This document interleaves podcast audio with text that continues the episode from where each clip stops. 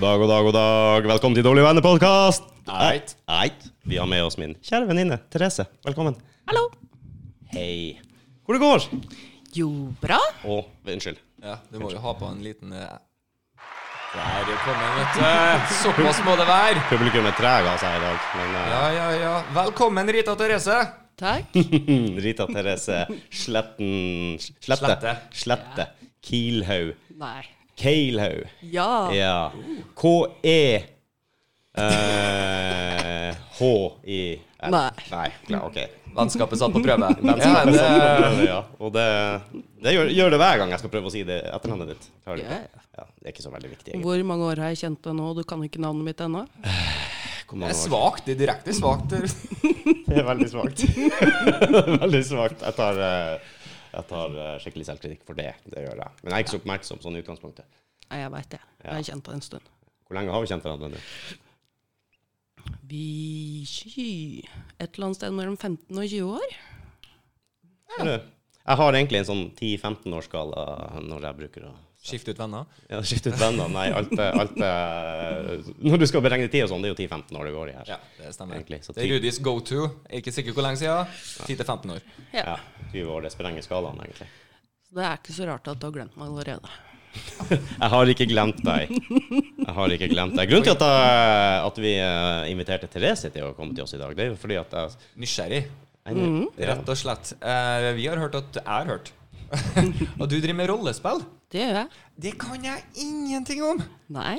Og da blir vi jo nysgjerrig. Ja. du er ikke den eneste, skjønner du. Nei, det vil jeg tro. Jeg kan nok om det liksom til å eh, heve meg litt over hans standard og nivå. Og bare Ja, ja, droppe jeg- inn sånn knowledge eh, hele veien. Men uh, Ja, du har jo spilt det. jeg har spilt rollespill opptil flere, og opptil ganske mange år i min ville ungdom. yeah. Finnmarksmester eller noe sånt. Det også. Finnmarksmester i rollespill. Ja. Kretsmester. Der også. Terrengrollespill. Så eh, Terrengrollespill, det høres nesten ut som live. Er det noen historier her jeg ikke har hørt om før? Altså, For å være ærlig, så var vel alt vi dreiv med på når jeg vokste opp, live rollespill. Fordi at vi hadde ikke internett, og vi var ute og lekte om det var cowboy-indianer eller whatever, så er det jo på en måte et live rollespill. Ikke sant? og sånn sett. Jeg har jo leka krig, Ja. som de fleste gutta boys gjør. er jo Ja. egentlig det. Så og, Det, det, og, det, og, det, og det var jo en For det er jo veldig mye innlevelse, selvfølgelig. Bitte litt skills, om det Det vil si, klart å gjemme deg eller ikke. Yeah. Sant? For ingen, Om du kommer i ryggen på skyten, så kan ikke du si at 'nei, du bomma'. Det, du kommer så langt med deg. Utrolig hvor mye basert på tillit det der var når du faktisk Ja. ikke skjøt noen. Jeg trass. Nei, det gjorde du ikke. OK. Det kunne jo være forløpet til en real krangel. Ja, ja, ja, det var alltid det. Det Det husker jeg på, Men du brukte som regel å velge ut dem som ikke krangla så jækla mye, men likevel konkurranseinstinkt. vi kunne ikke velge. Vi var, vi var ikke nok folk til det. oh, ja, stemmer. Nei, nei, nei. Så vi måtte ha med alle idiotene og tullingene også. Ja, ja. Inkludert meg sjøl. Ja, men er du kanskje god med samarbeid, da, til slutt? Muligens? Nei. Nei. Mm -mm. Ble ikke FN-observatører nå? Nei, her var alle mann for seg sjøl. sånn som grave seg ned, gjemme seg og bare ta dem når de går forbi. Skyttergravkrig? Ja, ja, og rollespill. Men målet mitt var jo kanskje å få Mattis uh, til å bruke sommeren på sånn liveplaying uh, greier. Hva det heter det? har et uh, LARP. Er det LARP, live action role-playing. Aha. Eller live, som vi bare kaller det på norsk, da. det? er Ja, eh, men er kontra hva da? Hva er, hva er ikke live, skal du si? Sånn. Det er vel egentlig eh, den andre tradisjonelle, som er å sitte rundt et bord med en gruppe mennesker eh, og ha noen terninger, kanskje penn og papir, og egentlig bare spille ut en historie. Det er jo litt live, det òg. det er litt live, det også, bare litt lite kostymer og litt lite fysisk aktivitet. Riktig. Så det som er fra, det jeg har tenkt jeg egentlig skulle spørre om, vet du, er hvordan er gruven med kostymer? Er det noe jeg kjører på? Eller er det liksom ikke forbeholdt det live-greiene LARP? Hva det kalte det? Eh, LARP, ja. Live action role-playing. Det var det. Yes. Nei, det er mer eh, forbeholdt det. Det er noen selvfølgelig som liker å ta det helt ut ved bordet også, men det er ikke det som på en måte er det vanlige, da. Nei. Hvis du vil virkelig Hva heter de der skuespillerne når de bare på fritida til og med spiller Ja. Går inn i rollen. Går inn i rollen, ja. Mm. Det hadde vært litt funny å se et rollespill. Folk som sitter rundt et bord og spiller rollespill og ser ut som eh, wizards and warlocks and uh, goblins and eh, Og så sitter du og kaster terninger. Det hadde sett litt funny ut. Det er vel stort sett bare sånne korte sesjoner eller noe sånt. Jeg så en gang det er et rollespill som heter Paranoia.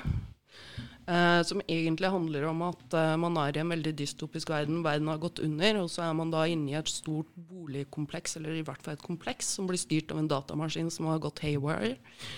Um, og så var det Will Wheaton, hvis du er Ja. Yes. Will Wheaton. Will Wheaton, vi vet hvem det er. Ja. Eh, og han har en sånn kanal YouTube, og da kan du se at de spiller da Paranoia. Der har de kledd seg litt ut da, for å gjøre litt ekstra ut av det, men det var bare en one-shot one shot session. Han er nerd på ordentlig, han altså. Han er skikkelig ordentlig nerd på ordentlig. Ah, kult. Skikkelig ordentlig nerd på ordentlig. Ja.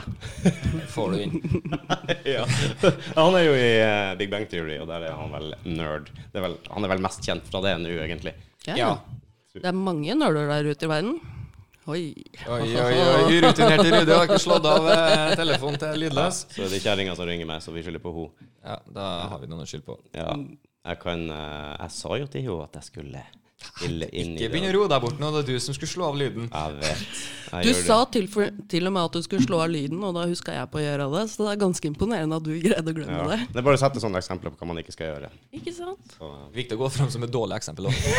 ja, det er det. Sett ikke lista så jævlig høyt for deg, liksom. Jeg tenker bare på ditt beste. Yes. Hele, Ja. hele tida. Det, hvor lang tid varer det her? La oss si sånn brettspillbiten, som ikke er live action roleplay. Eh, live action roleplay kan vare i dagevis. Ja. Litt cricket. men det er ikke det jeg holder på med, så der kan jeg egentlig ikke snakke så veldig mye om, annet enn veldig generelle termer. Mm -hmm. uh, men når det kommer til tabletop, så Hva det betyr. Tabletop. Jeg vet hva tabletop betyr, men rollespill hvor man da sitter ved et bord med stoler rundt og ja, Uten bare brett. snakker sammen. Ja, for det er jo brett. Jeg har jo vært eh, Jeg begynte vel med rollespillbrett. Jeg fikk meg faktisk når, fra 1989 som heter eh, Hero Quest. Ah, Ja, og det var der min greie begynte. da Det er brettspill med sånne figurer som du skal male på en måte, og så hadde du noen barbarer og gobliner og orker du skulle styre og ordne. Et veldig, veldig enkelt eh, rollespill, men utrolig artig. På, I hvert fall når jeg var i den alderen. Eller jeg måtte slå det opp. Det kom ut i 1989, faktisk. ja. Så det var to av de. Jeg fikk to av dem. Og den jeg ga bort til naboen fordi han likte å male sånne figurer. Så, og det siste vet jeg ikke hvor det er lenger, og det kunne jeg veldig tenkt meg, gjerne tenkt meg å ha. Leit, Rudi. Leit alt du har gått etter. Kan hende det ligger på loftet hjemme i hjembygda. Eh, Er det et klenodium? Er det det du prøver å si? Ja. det er det. Ja, det, så jeg hadde Jeg begynte med det, og så gikk vi da over på det du kalte for tabletop. Ja. Ja, hvor du ikke har annet enn egentlig bare kanskje en eh, Holdt på å si en CV. En, um, du har en Det var faktisk et veldig godt liksom, forklart hva det var for noe. ja, det er jo nesten det. Altså, det du, så jeg kan jo fortelle Min erfaring med det var jo i hvert fall når vi begynte med det at jeg fikk beskjed om å lage figuren min. Altså, jeg skulle da, OK, da må jeg finne på Første, navn. oppgave, første oppgave? Ja, du skal lage en bakgrunnshistorie. Uh, så du måtte liksom bruke første kvelden på det, da, og det var jo det verste. Alle hata det. Da. Og det samme barbar. Uh, ikke sant? Du gjør det enkelt. Ja, gjør det enkelt. Jeg var alltid det. Eh, og så er begynner du spillinga. Da. da er det jo veldig opp til fantasien og en gamemaster som sitter og kanskje har lagt opp en linje, men hvor dere ender hen, blir litt opp til dere og terningene, egentlig. Mm. Og så har du da siste skritt, som jeg aldri har prøvd, er den larpinga. eh, I annet enn uh, uskyldig format når man var åtte år. Ikke sant? Så, eh, sånn ser jeg det. men da ser du litt, litt forskjell. Ja. Har du prøvd noe av det? Altså Brettspill har jeg aldri prøvd, men sånn type Nei, lite det, ass. Lite der Jeg skulle finne på ting sjøl. Hva du gjorde når du var yngre? Hæ? Spilte Monopol. Peng. Ah, penger og ja. Jo da, det er jo interessant, det. Altså. Så likte de, altså, så likte de strikte reglene. Jeg jeg var litt glad i det at det gikk ikke an å krangle på reglene, Nei. egentlig. Her føler jeg at du um, Han gamemesteren legger ut en sti, og så må du egentlig, kan jo egentlig ta sideveier så lenge du kommer inn på stien igjen. Er det sånn å forstå? Ja, eventuelt så kan du velge også ikke spille spill i det hele tatt. Det, Er det noen som gjør det? Kommer og spiller og spiller egentlig ikke spiller? det har faktisk skjedd. Jeg har til og med vært med på det sjøl. Hvor etter fire timer så bare kasta gamen hele modulen av gårde, og så sa det at ok, greit, da var vi ferdig for i dag. Vi har ikke gjort noe av det vi skulle. Å ja, så du legger jo en, en slags plan? Du ligger, legger en slags plan. Du har jo på en måte en plan for hva du har tenkt til sånn noenlunde at skal skje i løpet av kvelden. Uh -huh.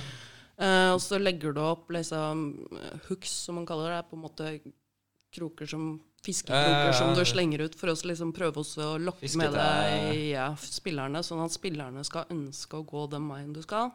Men det er jo ikke alltid de tar den. Nei. Noen ganger som er um, Rude, for eksempel, skjønner ikke Ja. Kan man Ja. ikke drepe det, så gå videre? Ikke sant? Ikke sant? Du, du var barbar, hører jeg. ja. I utgangspunktet. Så liksom du, fordi det handler jo egentlig om å fortelle en historie sammen, hvor hver enkelt person sitter på sin bit av historien. Altså Som GM så er det på en måte din jobb å prøve også å sy sammen alle disse trådene på en måte som gjør det interessant og spennende for alle, og at alle skal ha det gøy. Man kan ikke nødvendigvis ha det like gøy alle sammen hver gang. Nei, nei. Fordi at ofte så kan du kanskje ta en bit av bakgrunnshistorien til én karakter og lage liksom hele spillegrunnlaget for den kvelden rundt den ene karakteren, og da er det den spilleren som får eh, hovedspotten på seg. Ja. Men så bytter du om på det, da. Så noen ganger så er det jo de andre spillerne som får det, noen ganger så er det flere. Du kan vel også legge inn noen sånne små stikk her. Altså Hvis du f.eks. har en bakgrunnshistorie, da, som mest sannsynlig har, så må du jo på en måte binde deg litt til det òg, og hvordan karakteren din oppfører seg. Så har du vært så dum og sier at du var i en drukningsulykke når du var liten, så kan hun plutselig slenge inn og si at nei, det gjør du ikke, for du har vannskrekk. Ja. Eh, Eller noe sånt. Eh, ikke sant? Så Historien slår sprekker. Eh, Ja, altså, litt sånn, og da må du kanskje kaste litt terninger for å finne ut om du klarer å overkomme den, og det avhenger jo av tallene dine, hvor lenge har du holdt på, hvor mye har du oppgradert karakteren din over tid. Du kan jo spille i årevis med samme Så, karakter. så, så, så du kan egentlig bare kjøre i gang en, eh, en intern love story midt inni her, egentlig strengt tatt, og så kaster vi terning på om liker du meg tilbake. Ja. For eksempel. ja, for jeg husker det. Jeg, tok, eh, jeg skulle prøve noe nytt og gærent, så jeg var en eh, barbar dverg. Ikke sant? Litt ut av det var jo, slo jo Det backfire så det Du er så kreativ. Ja, jeg vet, jeg vet liksom det. Hvorfor skal jeg være den der Det var jo Konan. Jeg var jo Konan-fan, ikke sant? så jeg valgte alltid Konan. Ja, okay. Det var Jeg het ikke nødvendigvis det, men det var akkurat det samme. Men så tenkte jeg å mikse det opp en lille bit, så jeg tok en dverg. Barbar. Og det var jo bare Han likte ikke å ri, han likte ikke å kjøre båt, han likte ikke ditten, likte ikke datten. Det var jo helt håpløst. Jeg likte å sitte i en hule, for det meste. Så det var jo litt irriterende. Men det er jo litt av det, da. Du, du tar jo vare på de karakterene fra starten av ofte, og du kan jo, som jeg husker, å kjøre veldig mange kampanjer og, og sånn basert på de karakterene du har. Okay. Uh, I utgangspunktet, men uh, Så du kan ha én karakter som du på en måte ser for deg, og så kan du bruke den flere ganger. Det er noen som gjør det, og så er det noen som liker å lage seg en ny karakter hver eneste gang og spille på helt forskjellige ting. Og det er egentlig litt sånn opp til spilltypen. For det er noen som spiller egentlig variasjoner rundt det samme konseptet hele tiden, for det er det, er det de syns er moro. Ja. Så da gjør du det. Det er jo for greit nok, det. Mm. Jeg tror du hadde vært bra på rollespill, for det har veldig mye med å tørre å være litt Hva skal jeg si eh, du, må, du må ha litt fantasi, da. Og, eh, Litt fantasi, uredd eh, i sosiale sammenhenger og tørre å egentlig eh, Være noen andre, kanskje. Ja, være noen andre. Og for det å bruke litt- en engelsk term, put yourself out there. Mhm. Ja, for det er jo litt Jeg liker jo å spinne på ting andre folk sier, og sånt. Så sånn sett så tenker jeg at det kan være gull. Ja, jeg så- får med meg noe til OK, den skal jeg faen meg bruke. Mm. Men det er bra du liker å debattere og diskutere og argumentere. Ja, ja. Og, switcher midt inni her. Jeg er helt enig med deg. Jeg er uenig likevel. Se, hva bestemmer terningene? For det er jo litt sånn, ikke sant? De fleste som spiller rollespill, gjør det. Noen eh, diskuterer seg bare fram til hva som skjer, og noen eh, liker å rulle en terning for å ha det random elementet inni. Fordi at det er ikke alltid um, Det er gøy hvis alt funker sånn som du har planlagt hele tiden. Da blir det faktisk litt kjedelig etter hvert. Ja. Hvis absolutt alt du gjør, får du til. Så noen ganger så er det skikkelig gøy å gå skikkelig på trynet, men du har ikke, det sitter langt inne å planlegge for deg. Da mm, kan du la liksom terningen heller Ja. finne ut av det. ja. Og hvis du beholder karakterer og sånn, og gjør flere oppdrag og campaign, så vil jo da ofte, sånn som jeg husker vi gjorde det i hvert fall etter et endt oppdrag også, da, og man klarte det og gjorde det man skulle og sånn, så fikk, delte du ut på en måte poeng som du fordelte ut på da dine egenskaper, sånn som styrke, hurtighet, kvalitet, ja, initiativ, yeah. uh, alle de her tingene, og da var du bedre. Ja, og det hjelper deg jo i, i, i terningene senere, ikke sant? Du må liksom komme da si under det du har, f.eks., så klarer du det, eller noe sånt. Hvis du har Går- høyere tall Går det an å bare være skikkelig sånn, bare finne på ting, sånn at du OK, hvor høy estetikk har du, så at du klarer å sjarmere andre mennesker for å komme deg forbi en port, eller Har vel noe med Spørs på rollespillene. Noen rollespill er veldig lagt opp til det. Vi hadde jo karisma ofte Yes. på en, og det er jo, Ja, det er jo et er eget et. Ja. Mm. Den hadde vi. Så du har initiativ, husker jeg, og karisma, og, og mye av det var de viktige tingene ofte. Mm. Og Eh. det spørs veldig på hvilke rollespill, for noen er lagt opp eh, veldig komplekse. Eh, noen er lagt opp ekstremt enkle, og noen er lagt opp et eller annet sted midt imellom. Og så er det veldig opp til liksom, de forskjellige rollespillsystemene hva, eh, hva de på en måte har fokus på. Hvis du har et rollespill som er 100% fokusert på kamp, så har du ikke eh, noe særlig sosiale skills, da. Nei. Eh, hvis du har et rollespill som er basert på en mer realistisk verden, hvor det å snakke sammen er viktig, sosiale skills er viktig, det å kunne overleve ute i villmarka er viktig, så får du et mye større spekter av ting du på en måte kan bruke for å få en bedre karakter på. Men da er, har du som regel problemet at det, du kan bare være flink i så mye samtidig. Ja. Det er nemlig det, da. De er jo bare roller skal si, som mennesker, eller whatever. Ja. Jeg tok og gjorde litt research eh, i går kveld og litt i dag og begynte å tenke meg om hva er det jeg har spilt. Og hvilke typer rollespill jeg har spilt opp igjennom. Vi satt jo også gjerne en hel helg. Altså Det var så vidt du spiste og drakk. Så inn i det kom du når du, når du begynte. Ja, ja, ja. Det var alt det det dreide seg om. Det var, du satt hele helga. Fint vær ute, pent vær ute. Betydde ingenting. Satt uh, i en mørk kjeller uh, rundt det bordet og kasta terninger og stinka, ikke sant. Bare levde på chips og cola og, uh, og begynte på ny, nytt oppdrag hele helvete sida. Det var sånn. Vi gleda oss i det, husker jeg. Men eh, det gikk vel Jeg tror jeg slutta første året på grunnkurs, faktisk. Eh, 16-årsalderen. Da flytta jeg ut til storbyen eh, Hammerfest. Da var jeg med i en kampanje der som ble litt for komplisert for meg, kanskje kombinert med andre interesser på den tida, så dabba det av. Men det, det, jeg tenkte jeg skulle ta det med deg, Therese. Du kjenner sikkert alle de her. Jeg begynte da med den Hero Questen. Det var Ja. den som liksom eh, slo gnister. Det var jo dritkult. Og nabogutten han, eh, han kjøpte noe som heter Earth Dawn, tror jeg.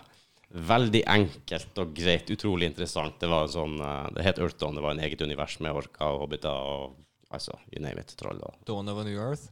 Mm, kanskje? Earth Dawn. Jeg vil tro det er noe greier der, ja. Vil jeg tro.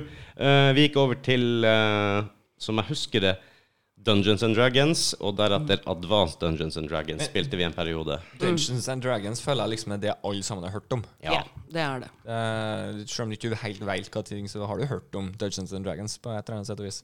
Det er egentlig flere årsaker til det. Det er vel egentlig det første rollespillet som hadde noe særlig kommersiell debut over nesten hele verden samtidig. Uh, litt godt hjulpet av massiv anti-rollespill-PR-kampanjer hvor folk påpekte ja, for det var skummelt, det her. Veldig skummelt på 80-tallet. Ja, ja, ja, Det kunne bringe ungdommen ut på Skråplanet. Å ja. Ja. Det okkulte. ja. Lek med Ouija-boardet istedenfor. Eller gå ut og drikke deg i hjel. Det you know, Ja. mye bedre, mye mer moralsk oppbyggelig. Jo, jo. Du kunne ikke høre, ja, du kunne ikke høre på Black Sabbath eller på den tida, ikke sant? Nei, nei, var- Ja, ja. Det var vel det samme tida som Life of Brian var banda i Norge, eller? Ja. Mest sannsynlig, ja. Jeg husker det, det var da Dungeons Dragons og Advanced Dungeons Dragons. Det er to greier, er det ikke det? For jeg husker riktig. Um, de kom med oppgraderte regler som skulle være enklere å forstå, antar jeg. Jeg er ikke så Der er veldig navnet Advanced Dungeons Ja, Dragons. altså de Liten smarting avanserte reglene. Mm. um, Men jeg starta ikke å spille DOD før eh, DOD tredje utgaven kom. Og så kom DOD 3.5. Den slo massivt an. OK, OK. Det kjenner jeg ikke til, egentlig. Jeg tror jeg var ute av det gamet da. Mm. Uh, men jeg hadde Etter det så spilte vi noe helt annet. Og det var Shadowrun. Uh, Ja, det var litt mer sånn cyberpunk-ish greier. Jævlig fett. Da var det liksom om å gjøre å bygge motorsykler og skaffe den og kule våpen og sånn eh, innebygde biogreier. Ja, ja. Ordentlig fancy greier. Ja, ja. ja, ja, ja. Det er kødder ikke her, vet du. Nei, nei. og da kunne du også være en ork eller en dverg med sånn type cyberpunk mohawk med tatoveringer og ringer og laser, for så vidt. Eh, hvor Er det ikke der hvor du også har troll som er sånn kjempehøye, som sliter med å komme gjennom vanlige dører. Jo, stemmer det. Jeg er ganske sikker Jo, jo, jo. jo. Det, det, det, det er jævlig funny. Og så til sist så hadde vi Nei, ikke til sist. Vi spilte også noe på sida som var jævlig funny, bare for humor sin del. Det var noe som heter Tun. Har du prøvd Ja. det? Nei, jeg har ikke prøvd det. Var Men eh, jo, jeg kan se at det kan være hilariously funny. Ja. Det er jo Kanskje litt, luni litt luni, litt loony. Litt loony. Det var jo basert på hele det universet, og i utgangspunktet sånn at det var en fordel å være lite smart, f.eks., for eksempel, fordi at da var det ikke bestandig du skjønte at, skjønte at ting hendte deg. Sånn som å gå ut for et stup, og så ser du i Nei, for du har en, Den blir stående. ja. Og så er det bare OK, nå kaster vi terningen. Nå oppdager du Ja. at Å, klassiske. Å, shit! Boom! Eller Eller Bippe stankelbein-gruv. Ja, nemlig. Ja. nemlig. Eh, Akme var vel en eh, stor eh, sponsor på, på, det, på det spillet her. Og du, det var noen sånne car chases, biljakter og sånn. Det var noen races du kunne ta, tror jeg, altså med de her tune-greiene, hvor du kunne da skaffe hull, eksempel, som du kunne slenge bak i veien, sånn at folk kjørte ned i de hullene. Og Bana- Bananskall. det var ikke Mario Kart. Uh, jo, men du fikk sikkert bananskall der, altså. Ja, det er jo som med Flåklypa Grand Prix. Det er Dirty Tricks-knappen. Ja. ja, stemmer det. Og det var hysterisk for å mikse det opp litt med sånne jeg holdt på å si usannsynlige ting. Det er jo ikke akkurat så generelt sannsynlig mye av det Nei, som foregår nei. i rollespill. Og Så så står litt fritt da, til å tenke litt uh, Cartoon Network, skal du si. ja. Og så og så når jeg flytta til Hamfest, så ble jeg med en uh, skikkelig skikkelig flink uh, GM, eh, så, og da spilte vi Rollmaster. Og da, da begynte jeg å dette av litt. Det- Rollmaster? Rollmaster, ja. Da det ble det litt eh, advanced. eh, Det var, følte jeg Om det var kombinert med at interessen min for, sank, eller om det var fordi Derfor er interessen min sank, det er jeg ikke sikker på. Sannsynligvis kvinnfolk og sprit. Uh, vil Det er en kombinasjon. Det kan det. Jeg vet ikke om du, uh, du har noe kjennskap til Rollmaster. Det har du sikkert. Uh, så vidt vært borti det, men ikke veldig mye kunnskap om det. Hvilket inntrykk har du? Er det mer avansert generelt, eller? Ah, Det er mer avansert enn DOD. Det meste er mer avansert enn DOD, i min, etter min mening. ok. Ehm, men jeg kjører nå et spill som heter The Dark Eye, som også er satt i en fantasyverden, og den er også sånn relativt komplisert, så mm, Ja, OK, det er vel Det er vel så komplisert som det gjør det, men uh, Ja. det er vel alt ettersom hvor hva er, hva er kravene for å være med, på en måte? Hvor mye jobb må du gjøre i forkant? Jeg husker mange av rollespillene vi spilte, så var det mye mer jobb med enkelte ting, og mye mer å sette seg inn i, mens andre var det egentlig bare å hive seg rundt og ja. kjøre på. Og sånn er det fremdeles. Sånn er det fremdeles. Hva du tror du, change the winning team, vet du. Nei, ikke gjør det. Du spiller jo annet med min uh, samboer, Jorin. Der spiller vi Numenera. Mm. En liten jentegruppe med meg og tre jenter. Hvem er best? Kombinasjonen. Ah. Åh, så Oi, vi det var po- faen. politisk korrekt svar, men ja, greit. Ja, men Jeg ville ha gått det med. Så jeg var ferdig med Ja, men vi har det såpass mye gøy når alle sammen sitter ved bordet, at det er ingen av jentene som har lyst til å spille hvis en av de andre jentene ikke kan spille. For da er det ikke like gøy lenger. Ja, men det er vel for da har du funnet en kjemi som fungerer. Så du mangler et ledd, så merker du at det mangler et ledd. Ja. Ja, skjønner jeg. Mm. Det er litt kult når du kommer dit.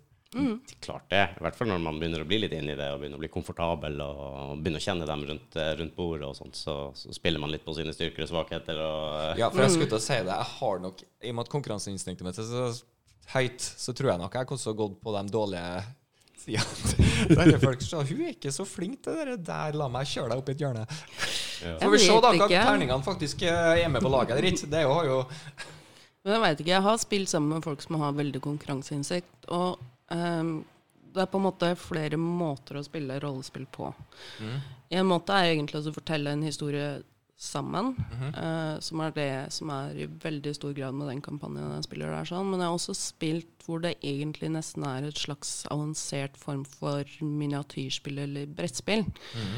Eh, hvor du på en måte ender opp i en situasjon hvor for spillernes del så er det om å gjøre å tweake reglene så mye at du vinner alle fightene sånn instantly. Og eh, det er gøy innimellom. Det er det. Det er gøy å liksom finne de der syke komboene som gjør at eh, liksom, din karakter virkelig får lov til å skinne. Men ikke så lenge av gangen. Cheat Som codes, altså. Er det det? Cheat codes, sånn som det står til PC-spill. I, nesten. Men det er liksom alltid innenfor liksom, reglene. Det er bare om å gjøre å tweake de reglene der for mye. Og i hvert fall i DOD35 så har det jo kommet så mange bøker og så mange regler og alt mulig at det ble jo så absurd til tider. Når du sier det, det husker jeg. For det der var jo og, um, han naboen vår som var GM-en. Det er jo alltid han som kjøper det som er GM-en, som regel. Og da var det jo sånn plutselig, etter seks måneder, så da var det kommet en ny bok. Eller et, det kom med noen oppdrag og sånn òg, gjorde det ikke det? I de bøkene, i hvert fall på de Earthdawn-bøkene, så kom det flere sånne binder med jeg tror det var storyer og regler og oppdrag eller, og alt mulig sånt. Så når du bestilte å, ny, flott sånn uh, rollespillbok, og vi gleda oss Liksom. Satt rundt bordet og åpna den der eh, masse fin sånn kunstverk og Se hva vi skal gjøre nå. Nye regler! Å, shit! Yeah. Uh, han hadde jo hyllemeter på hyllemeter på hyllemeter på hyllemeter med, for det kommer jo hele tida. Altså, det her er jo en Det skal jo selge. Ja. Så klart uh, det er litt det, er- jo, men det er jo faktisk en del rollespillbøker som egentlig bare har kommet ut i én bok. Og så er det på en måte opp til spilleren og gamen å på en måte finne sin verden og så sette sin egen ting. mm, Men for noen så er det litt komplisert igjen, så de vil gjerne ha på en måte ferdige verdener da, som de kanskje kan finne på eventyr i. Ja. Og så har du de som på en måte går hele veien og også vil ha på en måte eventyrene og sånt noe. Og jeg er en miks på egen verden og ferdige eventyr, fordi at det er ikke alltid du på en måte har tid og overskudd til å finne på dine egne eventyr. Og da kan et godt publisert eventyr være vel så moro, for du bare tilpasser det og gjør det mm. Ser inn. litt dagsformen, egentlig? da? Kanskje? Ja, eh, ikke egentlig, fordi hvis jeg har på en måte starta ut i et allerede ferdigkjøpt eventyr, så fullfører fullfører jeg jo det. Eh, og hvis jeg av en eller annen grunn må stoppe midt inn i en story som jeg har funnet på sjøl, så fullfører jeg det. Men det er jo på en måte hektiske perioder i livet og mindre hektiske perioder i livet, så Greit å ha noe man kan gå til, liksom. Hvis, uh... ja. Men det er ikke nødvendigvis sagt at du spiller en sånn story, og så spiller du en gang til, så vil ikke det nødvendigvis skje alle de samme tingene. Så det er jo fortsatt åpent. Du yeah. kan jo ta andre valg, gjøre andre ting. Du kan sikkert som GM Nå er jeg faktisk ikke Jeg har aldri vært GM, Uh, Game Master. Uh, hvor mye friheter tar det deg egentlig? Altså, det som jeg husker best, er jo at GM-en har den der uh, foran seg, så ingen ser hva GM-en skriver, og kaster terninger og styrer ordner. Så det var jo basert på tillit. At, eh, men GM-en har sjelden noe å vinne også på det som skjer der ute, hvis ikke du Jeg har eh, Jeg tar meg ganske mye friheter veldig ofte, men jeg har én gyllen regel som jeg aldri bryter, og det er det at det skal være moro. Ja. Det er den gylne regelen.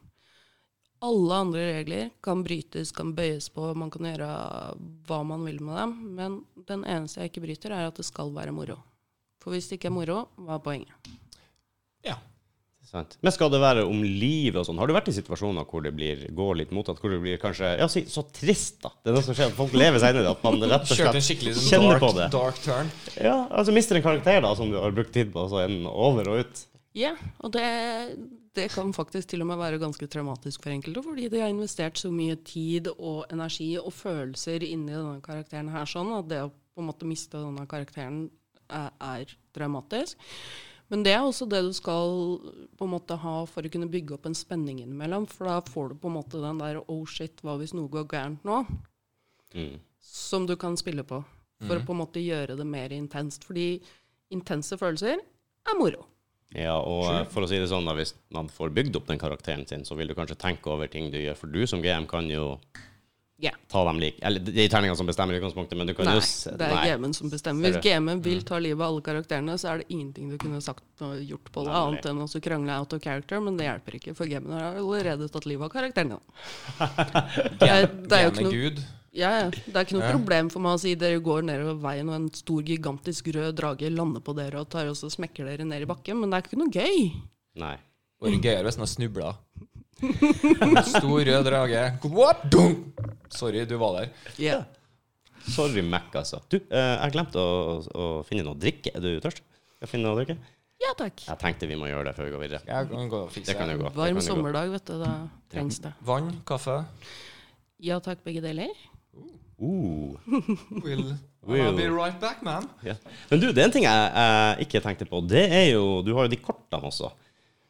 Sånn eh, rollespillkort, har du ikke det? Kunne du sitte og bytte og styre, eller er det en, en helt egen greie? Når du før på um, hva det heter på Outland uh, kunne man stå og se på at folk satt og spilte med noe sånn der uh, Magic-kort, ja. Magic-kort. Ja, Magic det the. Gathering, er det det? Er ikke det litt sånn mobilspill over det?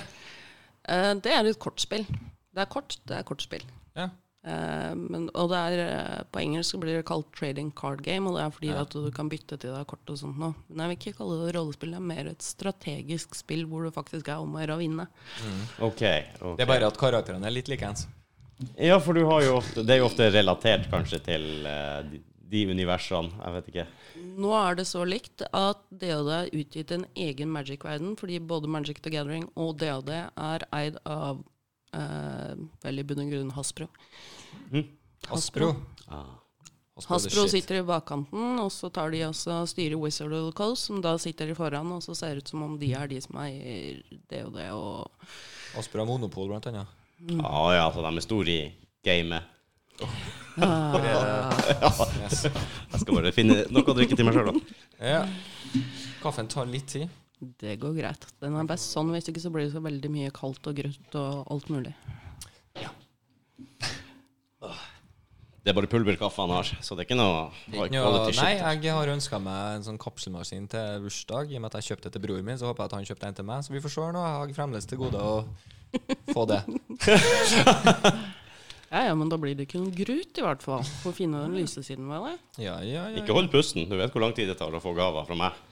Ja, det, det er for så vidt sant. Jeg fikk eh, Jeg laga en julekalender i fjor. Med sånn, Jeg ga ut en hundrelapp til 24 forskjellige stykker. Kjøp, Ja. kjøp meg noe. Mhm. Og eh, den Du rakk Jeg fikk vel julegaven min før jeg hadde bursdag i 5. mars. Mm, det? Mm. Det var to stykker du fikk av sist. Ja, det var to stykker jeg fikk aller sist av, og det var Øyvind og Rudi, de som er meg nærmest, nesten, skulle jeg si. Og du treffer flere dager i uka. og- Jeg klarte aldri å somle og si det. Jeg hadde jo god unnskyldning, da, for jeg hadde bestilt uh, Visste vi det jeg har gang? glemt å bruke den T-skjorta. Den skal vi bruke neste sending. Det må du gjøre. Må Eller spørs hvem som er gjest. Ja, faktisk. Jeg er litt usikker på det. Men uh, jeg hadde jo uh, Vi snakka jo om det islandske fallosmuseet skjønner du, i en episode, og Uh, det gikk en Du jævlig veit med- akkurat som alle sammen vet om det islandske fallosmuseet. Fallos-museet. Det vet du garantert Ja, om. ja, Rudi fortalte meg jo hele historien etter at han hadde kommet hjem derfra, da, så jeg har jo fått alle detaljene allerede. Riktig, riktig. Jeg måtte kjøpe en sånn der Hva det var det sto på T-skjorta til deg? Eh, ja, hva var det det sto? Eh, it's all about dicks. It's all about dicks, ja. Sånn. Det er liksom en suvenir fra Folløsmuseet. Det går en nøkkelring, form av en kuk. Ja. Den ga jeg bort, jeg. Eh, Har du gjort det, altså? ja, Nei, jeg tenkte kanskje noen andre får litt mer glede av den. Jo da. jo da skal ikke se bort ifra. Men T-skjorta, den, T-skjorta har jeg. den har du. It's all about dicks. Ja, du må ha den på en gang. det er så bra. Nei, nei, nei. Den ser jo ganske vanlig ut, helt til du begynner å lese tekst. Ja, den gjør jo det. Gjelder ikke det de fleste T-skjorter? Nei. Nei. Å nei! Å nei. Det er mange T-skjorter du tenker wow, hva faen er det for noen speisa greier? Og da står det ikke nødvendigvis en tekst heller. Å, jeg fikk merch i det nå. Ja. Du vet den der uh, I'm with stupid og så en pil? Mhm. Skal vi lage en hvor det står 'dårlig venn'? Kanskje det. Bare mikser opp a bit. Ja. Det er så mye du, Ja, du er ikke så kreativ, nei. Det er jeg jo. Nei, ikke det. Jeg tar som regel og samme som podkasten her og alt. Det er jo bare Vi stjeler jo alt. Ja. Navn og idé og full pakke. Man lar seg inspirere. Man lar seg inspirere, ja. Det er den pene måten å si det på. ja. Mm, ikke rip-off. Nei, det er OK. Inspirasjon. Jeg henter inspirasjon fra veldig mange plasser. Ja. Alt annet enn meg sjøl, for å si det sånn. Hvordan er Hardbarka rollespillmiljøet nå om dagen? Har det dabba av de siste 20 årene? Nei, det har blitt mer ekstremt. Mer Ja. ekstremt? Jeg kan, Ja, jeg kan jo forestille meg det pga. internett og uh, alt det der. Ja, det har blitt mainstream. Ja. Hæ? Før så var du liksom nerd når du var, spilte rollespill og kunne ta, ta liksom, Alle kunne flire av deg, og det var bare ditt. Da har jeg bare ett spørsmål til deg. Hadde du gått opp face to face med f.eks. Vin Diesel eller The Rock og sagt du er en nerd? Uh, Ja. Jeg tror kanskje jeg hadde Ja, ja, altså, jeg hadde nok sagt det ja, hvis jeg hadde måttet, men uh, alle For når jeg sier det, så blir det humor. For de bare ser på meg, og så bare Skal du kalle meg Men de spiller begge to rollespill. Vin Diesel og The Rock. The Rock ser jeg for meg. Han tror jeg har vært nerd hele veien. Han er bare dritsvær. Han er nerd. Ja. Vin Diesel, derimot Mange av dem er store fordi de var nerd når de var yngre. Ja. Ja. Og eh, det er ikke tull engang. det er mange som har blitt mobba og sånn. Og, men det er ikke nødvendigvis eh, ensbestemt nå med å spille rollespill, så har du briller og er liksom god i data og de tingene der. Uh, Supermann. Han som spiller Supermann. Hva heter han, han, han skuespilleren? Eh, Hvem av dem? Hvem av dem? Ja. Eh, Nyåsen, tror jeg. Oi, nei, da sliter jeg. Uh, han, fikk, han, han fikk jo telefon om at gratulerer, du skal være Supermann. Mhm. Men han eh, fikk ikke med seg at han fikk telefon for at han var opptatt med World of Warcraft. Ja. Ja. Så han måtte ringe tilbake. Sorry, jeg sa er et superviktig oppdrag. Jeg måtte være med på så det det er Supermann, altså. Yeah. Ja, ok. Jeg ser det. World of Warcraft, det er jo en helt egen greie, men uh, mm -hmm. er det basert Det er basert på et ordentlig rollespill i utgangspunktet? Eller kom det som PC-spill først? Tar jeg feil? Det et PC-spill først, for det var et strategisk eh, spill eh, som handlet om resource management. Det er også på en måte å ha kontroll over ressurser. Bygge en base, bygge tropper som du da sender mot motstanderen, og så vinner du. Akkurat, ja. Det husker jeg faktisk. ja. Mm. Så på mange som spilte. Jeg hadde ikke sjøl. Nei, jeg har aldri vært eh, med i det, verken på ja, PC-spill eller noe annet, egentlig. Det. Ja, og så lagde de da treeren i den, og så fant de ut at hei, her er storyen ganske kul, og så la oss prøve oss å lage en MMO-RPG av det, så tok det av. Mm. Det kan jo være trygt, si. Ja, det tok litt av, ja. Det gjorde jo det. Og det er jo litt artig, for det er jo et rollespillunivers. Det er jo, ser jo sånn ut som jeg ville tenkt barbaren min uh, var i de der eh, Ja, på de dataspillene og sånn. Det er jo bare at du slipper den å, og finne på kruttet sjøl, da. Du, Fantasien din er ikke noe hindring. Eller det du trenger ikke å tenke på at eh, her har du universet foran deg. Gå rundt om du er en ork eller et troll eller hva faen du er for noe. Yeah. Det er jo det samme. Det er helt det samme, men uh, Du bygger karakterene dine sterkere og sterkere og samler mer shit på World of Warcraft og alt det. Fordi at du har den fysiske dataspillet, da. mm. Uh, alt foregår inni hodet vårt. Ja, og så kan du på en måte finne opp dine egne historier der òg. Fordi at det på en måte er en åpen verden. Så Ja. ta med deg en gjeng med folk, og så tar du også går til The Shire, og så bare sitter du der, camper ned, og så begynner du også å liksom Mm. prate med hverandre og bare ha det gøy, istedenfor å faktisk gå ut og gjøre noe. Ja, det er Ja, nei, jeg, jeg, for jeg har jo veldig sansen for sånn åpen verdensspill. Jeg har jo spilt en del, bare ikke rollespill. da Sånn, Jeg er jo veldig glad i sånn type GTA, Red Dead Redemption, sånne ting som det er vi Mm. åpent, så kan du bare ta det hvilken vei du vil. Yeah. Uh, jeg har funnet ut at jeg er altfor snill. Du er for snill. Jeg er altfor snill for når jeg spiller spill og sånn, så GTA Jeg får jo ikke å plaffe ned folk og sånn Jeg gir meg ingenting. Nei. Nei, det Eh, så andre har du, så har du andre folk som bare Yeah, brr, og går helt berserk og sånn. Jeg bare sånn Nei. Det- det har jeg tenkt på. Det har jeg tenkt på. Jeg gjør heller ikke det. Jeg holder meg i høyrefila hvis jeg ikke spiller GTA. Liksom. Ja, jeg, gjør er nesten sånn at jeg stopper på rødt lys. Det, Men så ser du andre folk da, så fort de mener det spillet, så slipper alle hemninger. Ja. klapper ned damer og småunger og liksom. Ja, og du ja. tenker OK, hvor er egentlig Hvis du bare plutselig alle konsekvensene forsvinner, blir du sånn da? Yeah. Det, det kan man jo lure. Det er et veldig godt spørsmål. Ja. Jeg, sånn sjøl er at jeg greier egentlig ikke å gjøre så veldig mye slemt. nei, det, Bortsett fra hvis det er uh, Sneak Assassin-spill, da greier jeg plutselig det. Men det er ja, en helt det, ja, helt enig. Av Ja. en eller annen grunn så er det plutselig For da har du klekt ut en plan. Det er et Ja. eller annet, ikke sant? Du, bare, du sniker deg ut, ingen tar deg for noe. Mm. Det, av en eller annen grunn så er det mer akseptabelt enn å bare gå i f.eks. GTA, gå rundt ei hore, og så bare pam! Jeg er med deg. Det, Er det ikke Sheldon Cooper når han er deppa som går inn i World of Warcraft og tar seg en, eh, en tur på taverna og eller henger i baren? Det er sånn der, får Få litt yeah. utspill for uh, yeah. Det er så jævlig bra. Det er jo med, med Red Dead Redemption også. Hvis du liker ja, ja, du Jeg kan ta nesten- Jeg drikker meg dritings. Ja, Ja. ja, ja. ja. Og jeg føler meg ukomfortabel hvis jeg gjør noe der som altså, skader noen av de uskyldige. Det, jeg prøver ikke å ikke gjøre det, og det er jo litt weird, da. Ja, liksom sånn, Jeg får jo ikke noe ekstrapoeng for å være snill sånn egentlig. Nei. Vet jeg. Nei, men du får jo mindre trøbbel. Ja, det gjør du. I hvert fall Red Red. Ja, det er jo bare å ta beina på nakken og For ekstra ære, eller hva det er for noe. Jeg vet ikke. Eh, Men det som er litt sånn morsomt der, er jo det at eh, hvis du tar og så lynsjer en banditt etter deg, så skal du egentlig ikke få noe problemer for det. Hvis du drar med et lasso etter deg. Hvis du prøver på den der ene eh, achievementen, er det vel, eller trofeet, hvor du skal drekke dem veldig, veldig, veldig veldig langt. Hvis de da dør, du krysser over en sånn barriere og går videre til resten, da vil de ta deg. Ja. Å ja, så det er helt klart hva som er greit og ikke greit der. Ja, ja. Du skal ikke Du kan godt ta og ha en levende banditt bak deg, det går greit. En død banditt derimot, nei, der går grensa. Det, det blir for barbart. Grotesk. Bra. Leven! Ja, La den fortsette. Ja, ja, ja, ja. Logikken er jo til å ta føl på. Så det vil jo si at interessen for folk for rollespill er sannsynligvis til stede, og har vært det. Men uh, det er kanskje lettere for folk å Ja, sette men seg inn i det la oss si at du kommer fra indre Troms og Finnmark. Uh, du har, to, du har eh, tre venner Mm. i nærmeste ti mil. Og så er ingen av dem interessert i rollespill, men du sjøl er litt gira på det der. Da tenker jeg at du Er du født nå, så har du mye større sjanse for at du faktisk får connecta med noen har gjort det. Går det an med streaming og sånn òg? Ja. Ja, jeg vil tro at det er en grei greie. Oh, rollespill på Teams. Eh, de har faktisk eh, bygget opp sine egne de tjenester det. for det. Eh, du har blant annet noe som heter Roll20, eh, hvor du kan eh, få opp kart på skjermen. Og Ah, Det er egen sånn hemmelig chat. Spesialisert for det her. Ja. ja. det finnes et par andre også. Eh, og de har selvfølgelig tatt av nå i koronaperioden. Ja, ja, ja, ja. Det vil jeg tro. Eh, Folk kjeder seg hjemme. Det er yeah. noen plattformer som har tjent eh, gull på det her, ja. Det er sant. Og der har eh, det, det gjorde det allerede egentlig før koronaen kom, at de, gjorde, de bygde opp noe de kalte Adventure League, som skulle gjøre det veldig enkelt for noen å bare pakke opp et eventyr, og så kunne noen andre bare joine. Mm. Eh, så de har gjort det kjempestort nå.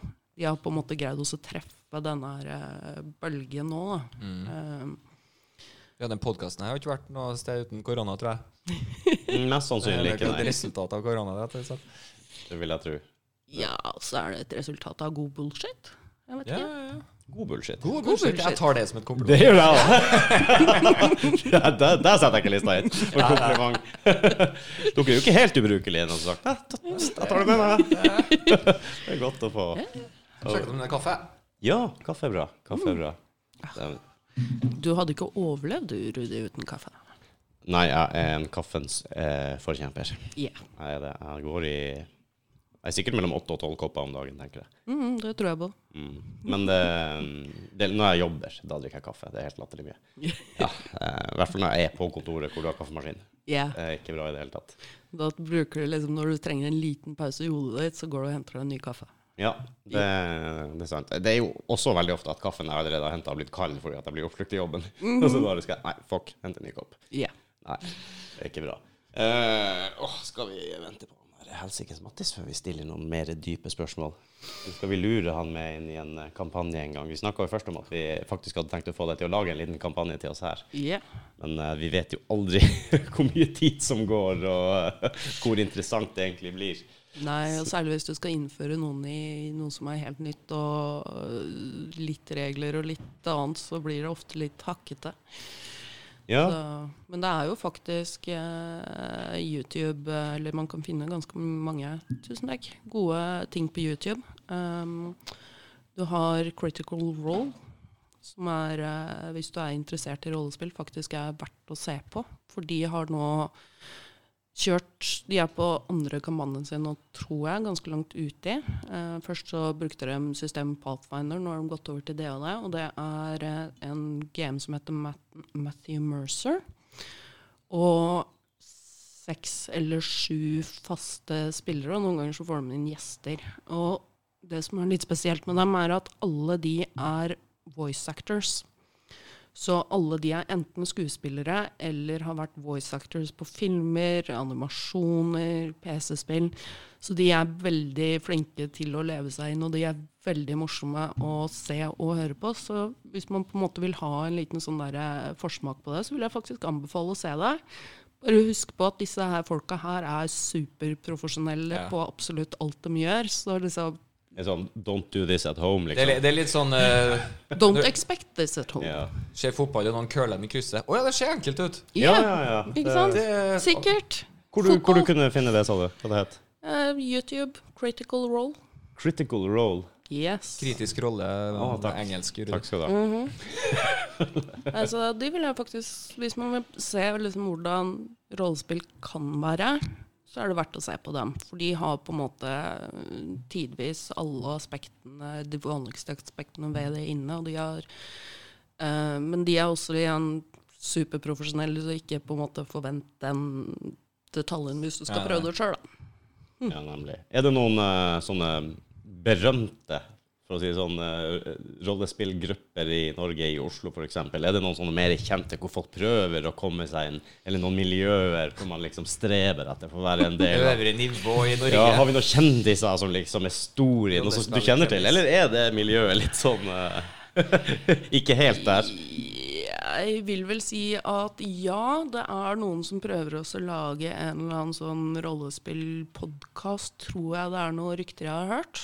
Ehm, jeg har vært eh, på siden av det samfunnet der en god stund i en del år etter et par uheldige hendelser som vi kanskje ikke trenger å gå nærmere inn på, så jeg er ikke like dypt inn i det miljøet. Jeg hører bare ryktene. La oss gå nærmere inn på det. Ok, Ja. Have seen that one coming. Her skal vi eh, grave opp møkka, vet du. Her skal Intervention. ja. ja, Hva du mener ble det for, ble det for drøyt? Nei um, Det er I enhver gruppe uh, så har du en del mennesker som på en måte eh, av forskjellige grunner ønsker å være på toppen. Ja.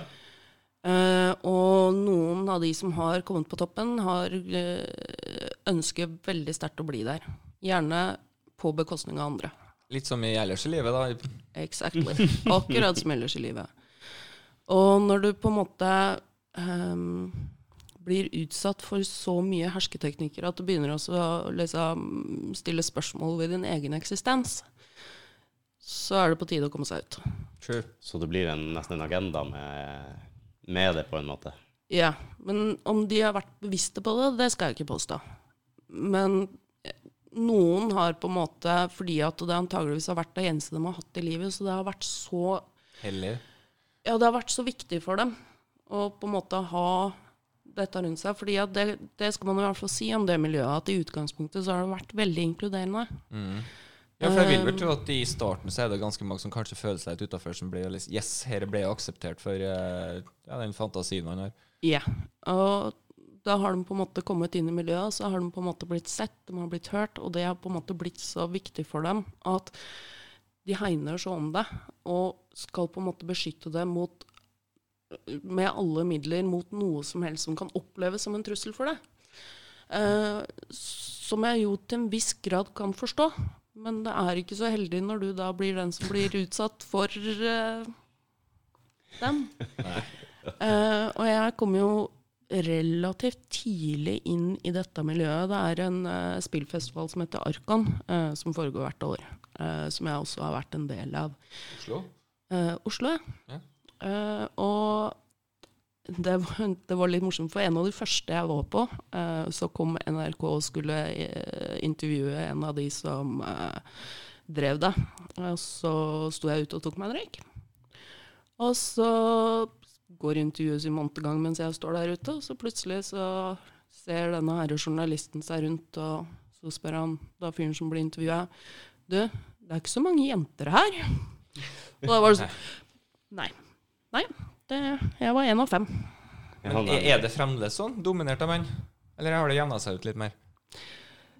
Da jeg var der, så var jeg vel én av fem jenter på 800 gutter. Ja, så da kan vi si at det Em, så det har jevna seg glatt ut. Akkurat hva, hva den ligger på i dag, det vet jeg ikke. Eh, men igjen så er det veldig store deler av rollespillmiljøet som på en måte er skjult, hvis du vil, for en kjerne, fordi at det er veldig mange grupper hvor man har funnet hverandre. Og de er de man spiller med fordi man har det gøy. Yeah. Og man har ikke det behovet for å søke et større fellesskap, og det er bare ikke til stede. Og de ser man jo ikke. Det kan være ganske satt, en sånn gruppe. Det husker jeg. Altså, det er liksom Når vi også var godt i gang med noe, så var det noen som Nei, kan jeg få være med?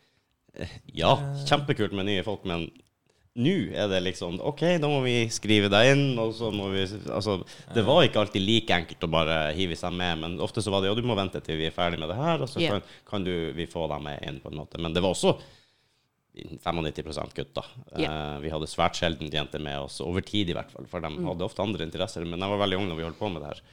Ja, andre interesser. Og så er det vel også en viss grad av at med en gang det kommer en jente inn i en gruppe som er dominert av menn, så har menn en tendens til å vise interesse for henne. Jo, men Og det kan faktisk være ekstremt slitsomt. Ja, det tror jeg. tror kanskje ikke det var helt eh, årsaken her, i og med at vi var Nei. Mm. vokst opp et veldig lite miljø og kjente hverandre. Så, eh, men eh, Nå var dette her en veldig sånn generalisering. Men du er jo i en, i, en all girls uh, Er det ikke det? Det var det du sa? Ja, det fungerer bra. kjempebra. Mye bitching. Uh, Bare in character. Det er ja, men det er jo dritbra, da. Det er jo dritbra. Nei, men det er jo bra å ha litt uh, miks i løpet av litt. Dere har ikke vurdert å ta med noen karer? Eller er det, er det meninga at det bare skal være damer? Det var i utgangspunktet meninga at du bare skulle være damer. fordi jeg har holdt på med dette her i 20 år, og jeg hadde aldri spilt med en rein jentegruppe før. Ja. Så jeg tenkte det at Shit, la meg prøve. La, la meg se liksom hvordan det går. Fordi at uh, i alle andre grupper så har det maksimalt vært halvparten jenter og halvparten gutter. Jeg har også spilt i mange hvor jeg har vært eneste jenta. Mm.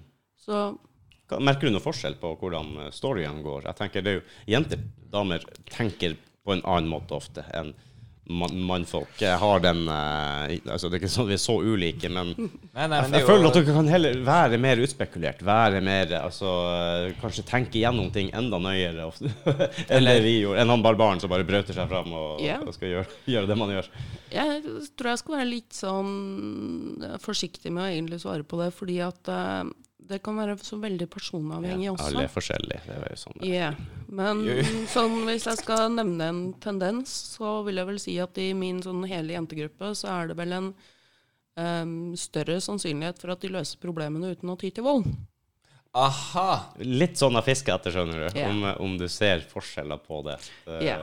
Men om det er sammensetninger av menneskene, eller om det er liksom. Fordi at em, Det er mange faktorer. Ja.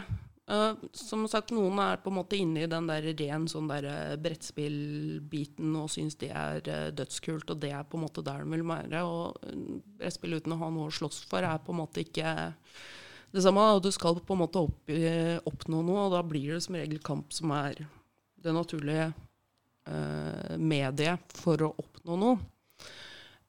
Mens for i andre grupper igjen så har du liksom Der er på en måte ikke kampen den viktige tingen. Det kan være liksom den sosiale biten. Greia på en måte å overtale denne personen til å gjøre noe de ikke vil. Yes, dritkult. Delmål. Ja, er kanskje du kan legge opp en sånn liten plan i planen. Altså Hvis du yeah. som en karakter, en spiller, har eh, OK, du har jiffen i hva vi skal gjøre nå. OK, nå Mm. skal vi se her. Ikke gamen engang vet hva du ønsker på. Til Så du klarer å lure de andre med til å spille, kanskje lage en plan for dem som de ikke selv vet om. Mm. Du trenger bare få dem til å gjøre det eller det eller det, så bare Yes! Mm. Vi har det. Så sitter, du, så sitter du igjen med gullgryta til slutt, ikke sant? Altså, men egentlig der hvor jeg har sett den største forskjellen, faktisk, er vel i eh, I de fleste andre rollespill som jeg har spilt i, med miksa grupper, så er det på en måte én eller to menn som ender opp med å ta lederskapet på et vis. Mm. De leder på en måte gruppa, alle liksom legger seg inn bak dem og følger. Men i den gruppa med tre jenter, så er det egentlig ingen som utmerker seg som leder. Sier du det? Ja, Det Det er er egentlig den mest fascinerende biten. ja. Det er jo, tenker jeg, kanskje litt med faktorer. For noen er jo naturlige ledertyper. Menn eller damer, skulle du si. Det, Mm, vi hadde ofte han eldste som var med, var som regel den som tok ledelsen, og det tror jeg også er naturlig når du er litt yngre. Eh, men ja, det er jo forskjellige personligheter, ja, men jeg tror helt klart det vil utspille seg på en annen måte yeah. over tid. Og hvis du hadde satt opp flere forskjellige jentegrupper og bare guttegrupper, så tror jeg det hadde vært interessant å gi dem samme, samme oppdrag. Og bare rett og slett det hadde vært skitkult. Å få liksom litt av det, og så ser vi hvor det går. ene er kun menn, og andre er kun kvinner. Derfor se hvor, hvor går dere hen. Apropos, apropos mannsdominert, for øvrig. Gratulerer. Den første damegjesten vi har her. i Ja! Jaggu på tide! En liten eh, en liten applaus, synes jeg. Ja, det syntes vi òg. Vi tenkte faktisk på det. Nå må vi pinne og gjøre noe her. Nå må vi gjøre noe, så Ja, og da var det ikke så ille, da. Altså velge et tema på et område hvor folk tenker at dette driver ikke kvinner med. For eksempel. Ja. Ja. Vi er noe geni, egentlig, uten at vi tenkte oss om. Og det driver ikke vi med, normalt sett. Uff a meg. Du, jeg bare ser for meg nå Uh, Du sitter uh, Du sitter hjemme foran PC-en og streamer ut til to rollespillgrupper. Mhm. Du har én story, eller uh, Jo, det er story. Hva du kaller det for? Ja, Store story, kampanje. Kampanje, det er så story, veldig ja. mange Eh, OK, gutta. Her er greia. Sånn og sånn og sånn. Det og det og det. Go. Skru av. Jenter. Sånn og sånn. sånn. Sånn er det. Go. Så det er bare å se de Så, to utfolde, utfolde seg. Hvor, hvem kommer til mål? Det Hvordan kommer det kommer seg. Om det hadde vært mulig å gjennomføre, men bare sånn forskningsøyemed. Åh, bare for å se hvor de går hen, ja. Og hvor forskjellig kan det bli? Hvor likt kan det bli? Ja, du kan gjøre det litt sånn helt fra utgangspunktet, men det kommer til å gå hver sin vei Ja. så raskt, og det er helt umulig å så kjøre dem parallelt på den måten. Det kunne jeg aldri tenkt meg. Jeg kunne hatt dem på to forskjellige dager, Mm. Men ikke samme dag. Det er kanskje vanskelig å Ja, fordi at i det øyeblikket noen begynner å gå bort fra skriftet, så må du begynne å improvisere. Ah, Og du må improvisere ganske mye. Og hvis du da liksom har to storyer som er veldig like, så begynner du også å surre med hvilken er det jeg Hvor har jeg Ja. Hva sa jeg til dem? Verdens Det beste, blir litt mye. verdens beste GM det er en sånn en som Magnus Carlsen som kan gå på ti forskjellige Det er en autist. Det er en autist som ikke glemmer et ord. Ja. Ja, tror òg det faktisk at hvis du hadde tatt eh, ti gutter og ti jenter og blanda alle sammen og rista det og tatt fem dit, eh, nei, ti dit og ti dit, så tror jeg også du hadde fått mye. Fordi ja. som du sier, du har så mye personlighet. Altså kan noen ledere der, kanskje noen ikke-ledere der. Du, du vet ikke hvor de havner. Og uh. Nå foretrekker jeg å spille med fire, maks fem spillere. Eh, Jeg kan Ellers blir det for maksimalt trekke, ja, Ja. eh, jeg kan maksimalt Ja. trekke meg til seks. Og det er veldig sånn avhengig av spilletypene. Jeg hadde en gruppe med seks personer en gang, hvorpå tre av dem var veldig interessert i å spille med hverandre. Men du må fortsatt som GM på en måte følge med, fordi at det kan komme elementer som du på en måte skal gripe tak i og så kanskje ta med deg videre på et senere tidspunkt. Når da nummer seks kun er interessert i å rollespille med deg og ikke interagere med de andre karakterene, så blir det slitsomt. Det, er, det, Lite samarbeidsvilje, med andre ord. det hadde vært litt funny hvis du er i det universet og observerer. Bare Mm. Nei, jeg, jeg bryr meg ikke om eh, det reisefølget mitt. Jeg bare Yeah. går helt min egen vei og Nå kommer han. ja. Og folk har på en måte litt sånn lite bevissthet rundt det ofte. De, de, de vet Ja. ikke det at de liksom For du har på en måte typer, du har veldig klare typer. Eh, som du på en måte egentlig må håndtere litt sånn annerledes. Akkurat som i virkeligheten. Ja, egentlig. Eh, men så har du på en måte noen typer da som på en måte du helst ikke skal putte i samme rom whatsoever, for da får du bare trøbbel. Ja. Det er litt funny når det er noen som Jeg husker da hvis du kødda med noen, eller gjorde et eller annet, ja, whatever, som eh, skader eller gjør noe annet med den andre figuren. Da kan det bli litt sånn eller, «Hæ? OK, ja, det skal jeg huske, din jævel. Ikke sant? Jeg gikk i den fella, og så gikk bare du etterpå. Dere Eller du lurte meg. Altså, et eller annet går og sjekker noe. Å, du utleste den fella. Bra. Jeg mistenkte at det var noe der. og så var det Fuck you! Yeah. Da skal du få tilbake. Jeg må gå og lage en ny bakgrunnshistorie. Men du har f.eks. en sånn veldig klar type her. en som eh, elsker å på en måte spille karakteren sin. Som, Mm. Uansett hva, så elsker de å spille karakteren sin, og alt skal på en måte handle om det, da. Ehm, og hvis du da setter det sammen med en type som spiller mer et strategisk brettspill hvor det er om å gjøre å liksom tweake reglene til å på en måte vinne, Mm. de funker ikke så veldig bra sammen. Og da kan du få liksom litt utfordringer med på en måte å få til å lage én historie som Ja. alle sammen er med på. Eh, og så har du på en måte en annen type da, som er sånn at ok, men spillet er på en måte det viktigste. Som da er villig til å tweake karakteren sin litt for å på en måte tilpasse spillet, selv om i utgangspunktet det ikke helt passer. Mm. Um, som kanskje da liksom blir veldig oppgitt på denne her personen som nekter å tilpasse karakteren sin til fordel for spillet som alle skal være med på. Så du har liksom veldig mange sånne forskjellige typer, og folk er ofte ikke bevisst på at de nødvendigvis er deg sjøl. Men du må på en måte håndtere dem litt forskjellig for at de skal kunne jobbe sammen mot et mål som alle syns er gøy. De har jo forskjellige nivåer og sjølinnsikt, vil jeg tro. Mm. Men det er jo litt sånn som når du holdt på med en drittunge og holdt på med krig òg. Du ville jo ikke ha med han eller hun, for at de klarer ikke å samarbeide for fem flate øre. Da ødelegger Yeah. bare spillet. Yeah. Da kan jeg liksom bare la dem være. Mm. Akkurat samme typen. Du må jo også bli veldig godt kjent med hverandre hvis du er i samme sånn rollespillgruppe over tid. Ja. Hvordan folk tenker. Og når du må Humor liksom, ja, humor og fantasi, og hvordan, hvordan du liksom Altså, du vil jo se trekk etter hvert. Åh, typisk Rudi å dra fram det der. Yeah. Som in real life. yeah. Det er litt interessant. Men det, det, det er artig det med rollespill, hvor du liksom eh, Veldig mye av konsekvensene er borte. Eh, og, og alt kan skje, på en måte. Det er noen enkle spilleregler og en story du følger, og en sjef som sitter der. Gud uh, som sitter og bestemmer. Men yeah. du, du, du, det er bare fantasien som stopper deg. Selv i et sånt åpent landskap, eh, dataspill, så har du på en eller annen måte begrensninger, og det er liksom satt hvordan det ser ut. Og min sånn generelle inntrykk er det at folk som spiller en karakter, Mm. eh, legger på en måte den karakteren der ute, og så fjerner de sin egen maske. Så de spiller på en måte karakteren sin, men siden de har den karakteren, så legger de ikke opp en maske for hvordan de er som person, så du får egentlig mye mer se personen, fordi at de greier ikke å både være seg sjøl, ha en maske og spille en figur. Det er enten eller. Ja. Det har jeg ikke tenkt på, nei. Du får kanskje, selv om det er et spill og det er fantasi, så får du kanskje bli bedre kjent med folk. Altså, du får den ordentlige dem på en måte. Ja. Fordi at de, i en ordentlig situasjon så ville de reagert annerledes. Ja. Kanskje i frykt av at de ikke vil vise hvem de egentlig er, eller whatever. Her kan du hele tida sånn, Kanskje det er noe befriende med å være skuespiller og spille på teater og sånn òg. At du Ja, kan det vil jeg eh, tro. Men jeg tenker på meg, på meg sjøl. Hvis jeg skulle vært med på et skuespill, eller noe sånt, så kunne jeg virkelig gjerne tenkt meg å være ond. ja. Av en eller annen Mm. grunn. Bare ta den rollen. For at jeg, fø- jeg føler i hvert fall at jeg er litt snill til vanlig. Da, så Og det her er jo egentlig sånn sett perfect, for det er, du er jo en skuespiller, bare at du har ikke manuset. Og du, du, du kan på en måte spille litt på hva du sjøl har lyst til. Så hvis du har lyst til å være skuespiller og ikke huske ikke klarer å lese manus og huske ting, så kan du spille rollespill. Da kan du gå inn som en fucking badass, om du er ondskapsfull direkte. Whatever, det kan være det den du er i gruppa. Yeah. Du, er- du er en jævel. Og kanskje alle andre balanserer ut med å være snillere. Men eh, jeg tror hvor funny det hadde vært.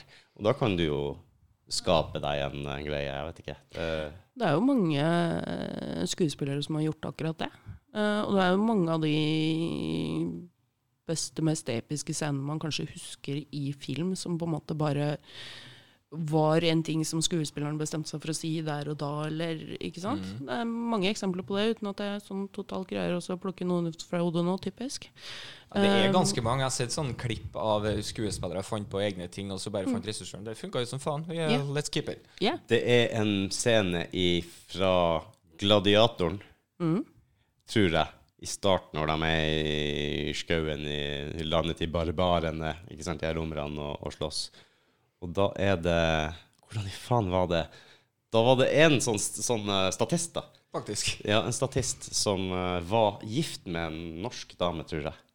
Og han hadde fått beskjed om å rope og skrike noe på gammel germansk, men han huska ikke hva han sk- skulle Han huska ikke det, så han begynte å rope de norske setningene han kunne, som han hadde lært av den norske. Da. Så hvis du hører etter, så sier han noen sånne helt rare greier på norsk der et eller annet sted inn i bakgrunnen. Jeg mener det, det er tilfellet, ja. Jeg må nesten gå og sjekke tror jeg. Det er en story der. Han har en gubbe som var gifta med norsk. Ja. det, det er klart det er ingen som legger merke til det hvis ikke du kan norsk eller gammel Ja, germansk. Ja, de har blitt flinkere på det med årene. Når de sier at de faktisk skal ha nordmenn, så snakker de norsk og ikke svensk. Eh, ja, der er jo noen skrekkeksempler, for eksempel. oh eh, ja. Du har X-Files, har du en episode? Dere må ikke dra dit. They're altfor folly. Men i hvert fall forståelig, da. Jeg så en annen, de skulle være norsk. Jeg bare Hæ? Hva, hva? Hæ? Ja. Den 13. kriger. Yeah. Der har du veldig forskjellige ender av skalaen. For der er det en jente som står og roper noe. Hun høres ut som hun er fra vestkanten. I, Ja. I Oslo. Og så- har du. Ja, ja, ordentlig sånn tatt rett ut fra urbane Oslo og satt inn og bare prater sånn som vi prater nå. og det var litt funny. Så har du dem da som er aldri De har norsk eh, femte generasjons et eller annet og sier de kan snakke norsk, men det er Ja, jo det, det, det er på Ufta-Marit-stedet. Ja, det er sant. Amerikanerne Ja. De er glad i Ufta. Ufta, ja. Ufta. Ja, der, der kom den opp igjen. Ufta kaker. Ja. Mm, det gjorde det. Ja. Jeg tror det er mye likhetstrekk med å være spille rollespiller og være skuespiller. Ja. Det er kanskje ikke like store muligheter for å gjøre karriere på det som rollespiller. Ja, det er nok større sjanse nå enn før, tipper Det er større sjanse nå enn før, og det er noen som har gjort karriere på det. Men um, det, det er litt som å stå på Eller være med i TV-serier og sånt noe. Um, Mm. Norge er et relativt lite land, så selv hvis alle sammen betalte liksom én krone uh, for uh, liksom per gang de så på en TV-serie, og Mm. med en gang du har fem skuespillere, så noen som skal redigere og alt mulig annet, så er det ikke akkurat veldig mye lønn du sitter igjen med. Nei, det er begrensa. Ja. Så enn så lenge så er det vel omtrent bare USA som har noen superkjendiser på rollespillmarkedet, og de som faktisk spiller, da. Det er jo superkjendiser blant de som faktisk har laget spillene. det er klart, har du en sånn engelsktalende podcast, rollespillpodkast eller en livestream-podkast, eller sånn, så vil du kanskje kunne dra inn, og hvis du har kjente personer med, eh, så vil jeg tro Da vil det samme som å ha en podkast. Det kan du tjene penger på hvis du har nok lyttere. Yeah. Og eh, det vil jo kunne være mulig. Så det er ikke sånn profesjonelt uh, rollespillmiljø, et uh, sånn karrierevalg her, her til lands med det første. Det er noen som har prøvd også å gjøre det til karriere. Mm. Det er det. Eh, Jeg har vel ikke egentlig hørt om noen som har eh, lykkes så stort at de i stor grad kan leve komfortabelt på det. Mm, nei. Som er en sånn med Kan du leie deg ut som GM, for eksempel? Ja, det er folk som gjør det. Awesome. Det er det, ja. Ja, ja. Det er meg. folk som har i hvert fall forsøkt å gjøre det igjen, men tilbake igjen til det at jeg har ikke hørt om noen som har gjort det nok til å på en måte kunne leve av det. Jeg har ikke blitt kjent nok ennå. Nå når denne podden kommer ut, så Da, vet du. da er det bare for deg å starte bedrift, Therese. Jeg er helt sikker på. Helt sikker på. En uh, stor digresjon. Ja, Eh, Det er én ting jeg begynte å tenke på her om dagen. For jeg hørte ok, vi skal ha med rollespill og alt sånt der. Mm. Da begynner hjernen min å gå, vet du. Alt i dag seksualiseres. På en eller annen måte så gjør det Ja. det. Fins det et underground rollespillmiljø? Garantert. Det må jo gjøre det, for jeg tenker at absolutt alt bare så Oi, noen oppfant kortspill og poker. Huh. Klespoker. Ja, men da Ja. tror jeg heller vil anta at det er mer i live-miljøet enn det der å sitte foran et bord. Det er, ja, det er så langt tenkte ikke jeg. Så langt tenkte ikke jeg. Men her er jo folk som kler seg ut, selvfølgelig. Ja, Ja, det, da kan det jo være. Alltid vært glad i fairies. ja. Kan du Det er kanskje rart uh, å gjøre det rundt bordet, altså. Ja, ikke sant? Men, er eh, liksom, skal finne opp en Hvordan er det å være gamemaster i noe sånt? Jeg tenker jeg. Vi snakka jo. Vi snakker jo litt om undergrunnsbrettspillmiljøet, gjorde vi ikke det? Jo, i en uh, annen podkast i en var annen- i. Ja, stem- stemmer det. Vi så for oss litt hvordan Daniel Fikser ting heter den. Sjata til gjengen der. Ja, Eh, det holdt på å spille om uh, brettspill, var faktisk var temaet. Og Vi mm. snakka litt om det, og begynte å gå inn på hvordan vi skal lage reglene og sånn. Vi fant ut at det måtte selvfølgelig ha et brettspillkort Mhm. Som eh, du kunne få etter du hadde øvelsesspilt med andre brettspillkortinnehavere i fem år sammenhengende. Så at du har ikke mista For du kan miste pga. sinne og sånn, f.eks. De har jo observatører. Mm. Husker ikke hva det satt i Jo, den det var mye bra. Jeg anbefaler deg å høre den. Ja, der, for Den er veldig funny hvis du er interessert i brettspill. Der løser vi alle problemene. Brettspillmafia og sånne ting. Vi må jo Jeg spiller massevis av brettspill, jeg òg. Ja, klar over det. Hva du kan anbefale, da? Terraforming Mars er kjempebra. Men der er det igjen liksom, det spørs helt hva du er interessert i. En gang til. Den hørte ikke engang. Det var noe med Mars. Terraforming. Terraforming Mars, ja. Ok, da Yeah. henger jeg. Terra som i jord, eh, Rudi. Yes.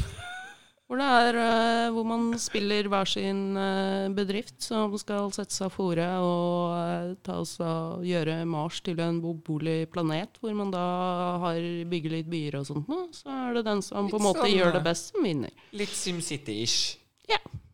Det er et brettspill. Det er et brettspill.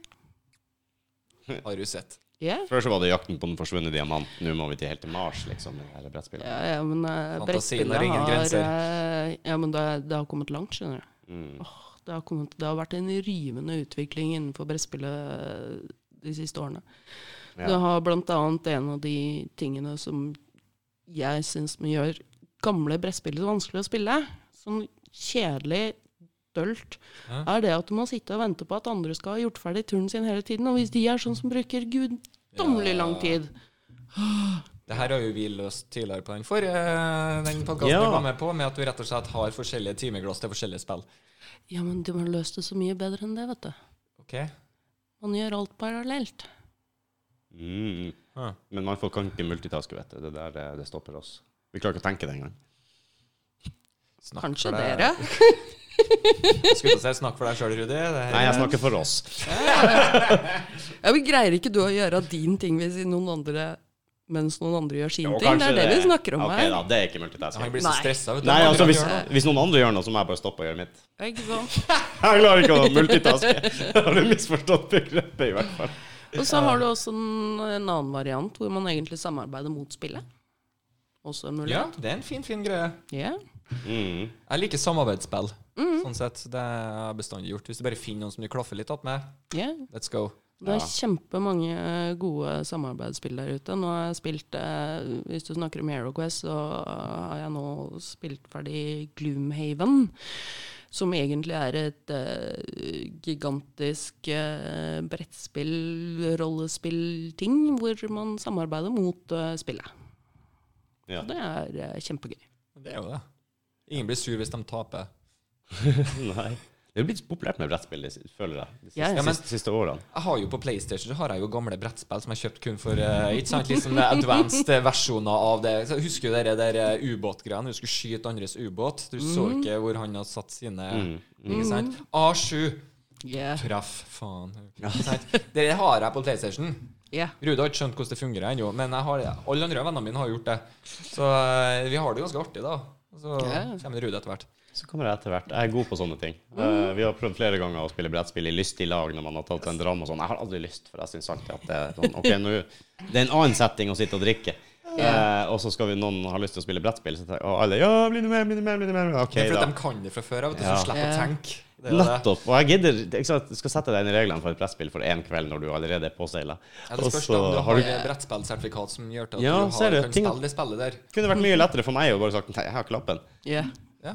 Så hadde jeg slupp- det. Men som regel, da, de siste gangene det har utspilt seg hos eh, venner og bekjente når man har sittet og drikket, så eh, Blir du med, Rudi? Blir du med? Nei. Jo, du må. Ellers kan ikke noen spille. Uh, OK, bli med. Og så syns ikke jeg det er artig. Uh, drikke mer whisky, for det er ikke artig. Dæven, hvor artig det ble! Det er dritkult! Uh, Og så begynner jeg å bomme på reglene og tippe brikker, og så, går, og så stumper jeg på sofaen etterpå. Det har liksom vært sånn det har utspilt seg de siste gangene. Du har vært med på det hos uh, vår venn Øyvind òg, du, når vi har spilt på noe, en, et og annet julebord, tror jeg. Du har sikkert vært Ja, med på noen av stemmer. det Da brukte vi å spille sånn type spill, ja. Ja, alle skulle spille, og jeg hadde ikke lyst. Noen Ja. gang. Og så ble jeg med, og så ble det kjempeartig når jeg ble full. Og så mm. ble jeg overfor full, og så begynte jeg å rote det, og så stumpa jeg av. Stemmer det. Du, vet du hva det høres ut som det er omtrent hele tiden jeg har kjent deg? Det var egentlig bare en recap av livet. Ja, ja, ja. Det var en oppsummering. Jeg ville jo egentlig i starten, var litt sånn her, og ble med. Jeg ble kjempeartig, ble litt sliten, ga meg. Eh, ja. Oppsummerer greit. Det oppsummerer meg. Du, nå har vi holdt på en liten stund, ja, vi. Å, dævelen. Hva du tror Therese? En time og et kvarter? Hey, wow. Tiden flyr når man har det gøy. Yes. Det gjør det. Har du hatt det gøy? Ja. Det er bra. Jeg har hatt det gøy. Har du lært noe, Mattis? Ja, Hva du har lært? Hva har lært Ikke for å sette deg på Hva har du lært nå, Mattis? Nei, at Gamemaster er Gud, da, om ikke annet. At eh, om Gamemaster vil, så kan han drepe alle. Om en eh, rød drage snubler overfor karakterene, f.eks. Uh, bare for å bruke ett eksempel her. Det er god lærdom å ta med seg det. Ja, det tenker jeg. Eh, ellers så vet jeg jo plutselig hva live action roleplay er. LARP. Det har jeg aldri hørt om før. Eh, kontra det jeg kun visste om det er brettspillbiten og det rundt det. Men så var det OK, kleutbiten var LARP, tydeligvis. Ja, du kunne jo faktisk nesten bare dra på Middelalderfestivalen i Oslo, eh, og så hadde du på en måte For folk kom ofte utkledd, og det var jo boder og smeder og alt sånt. Ikke det at man alle gikk i rollen, men uh... Nei, men holdt jeg på å si det som er mer forskjellene her, sånn er at i en live action rollespill så har du på en måte også gamer. Og da sier jeg gamer i flertall. Å, du har det, ja. Ja, fordi at uh, du, det er så mange personer og så mye som skjer. Uh, samtidig som du må på en måte ha noen som får med seg hva som skjer, sånn at de kan igjen drive den historien videre, for det ligger ofte en historie bak.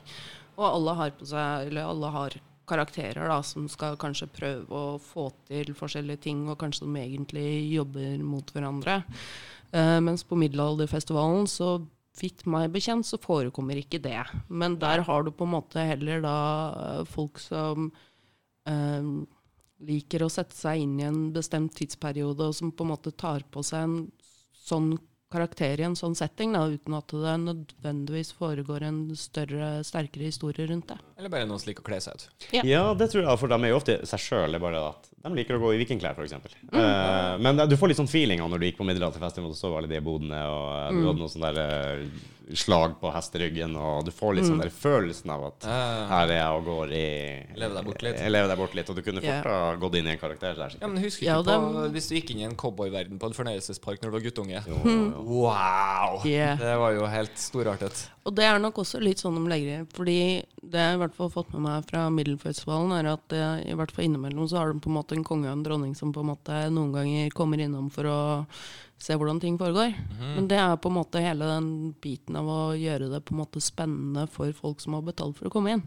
Ja. Så sånn sett så er det på en måte en historie som foregår i bakkanten, men det er også litt sånn som du får på cowboyland i fornøyelsesparker. ikke sant? Hvis du bare henger der lenge nok, så får du med deg en historie. Men Det er enkelte ting som er satt, liksom, men ikke alt. Mm. Uh, ja. det en, kanskje det ultimate larpinga er vel den serien som var så sinnssykt populær nå nylig, hvor de eh, dro inn i den der uh, Noe nylig, 10-15 år siden. 10-15 år siden. Ja. Uh, de, de, det var sånn uh, kunstig verden med roboter, hvor de dro inn cowboyverden. Og kunne dra inn og leve cowboylivet. Westworld. Westworld, ja. Det er jo nesten en sånn der uh, form for ultimat larping, hvor du har eh, karakterer og, mm. og stories, Storyline yeah. hele veien. Du bare går inn og kan gjøre nesten hva du vil uten konsekvenser yeah. eh, en stund. Ja. En stund. En stund. Har du sett den, Mattis? Westworld? Nei, faktisk ikke. Gans, ganske bra. Litt usikker på hvilken plattform. Er det HBO eller et eller annet sånt? Sikkert HBO. For den Tror det er jeg. HBO. Fordi uh, de tulla seg til, og så funka de ikke på TV-en min lenger, så da sa jeg jo på mange. Så Å ja. ja. Jeg bomma på passordet tre ganger, så, så kom, betaler jeg bare nå. Fordi at de, jeg sendte mail til dem og lurte om man kunne åpne, og da sa de at du må ringe kundeservice. Og det var i, Det ble med det. det var i november. oh. wow. Støttemedlem kaller man det. Jeg støtter medlem Ja. der, sånn som jeg har vært i VG+. Ja, og treningssenter òg, eller? Aldri. Nei. Nei. Du holder deg til aviser og til strømmetjenester. Ja. Uh, ja Uh, jeg sa ja til Aftenposten da jeg flytta til Oslo. Jeg visste ikke at det kom fem ganger om dagen. Og uh, satan i helvete. Det koster nesten ingenting, sier de. Nei, men portoen Gud bedre. ja, jeg betalte jo 600 kroner mann i porto på Aftenposten, for jeg fikk det jo fire ganger om dagen eller noe. Det var helt latterlig. Men sånn er det å være oppdatert. Yeah. Sånn er livet. All right. All right. Jeg tror vi skal pakke sammen. Har du noen siste ord, holdt jeg på å si? Ikke ennå. Snakk til meg om et par 3-40 år, så kanskje jeg har noen siste ord da. Håper det tar lang tid. Men tusen takk for at du kommer hit, Therese. Det var bare hyggelig. Tusen hjertelig. Da eh, sier vi det sånn. Farvel, alle sammen. Håper at alle har lært noe der hjemme. Å ja, forresten skal vi droppe noe Insta. Ja, sjekk ut den awesome logoen vår. Ja, vi får ny Vi Får lage merch etter hvert. Vi skal lage merch etter hvert. Vi er på sosiale medier. Veldig lite på Snap, veldig mye på Facebook og ja. Instagram. Ja. Vi skal i utgangspunktet ha merch som eh, gjester får nå, første omgang, så du kan nok vente deg noe, noe pent etter hvert, tenker jeg. Så får vi se. Og det er ikke meg. Og det er ikke Mattis. Det, det setter mannen min pris på. Ja, så bra. Ja. All right, folkens. Tusen takk for eh, at du kom igjen. Det var bare hyggelig. Adjø. Adjø.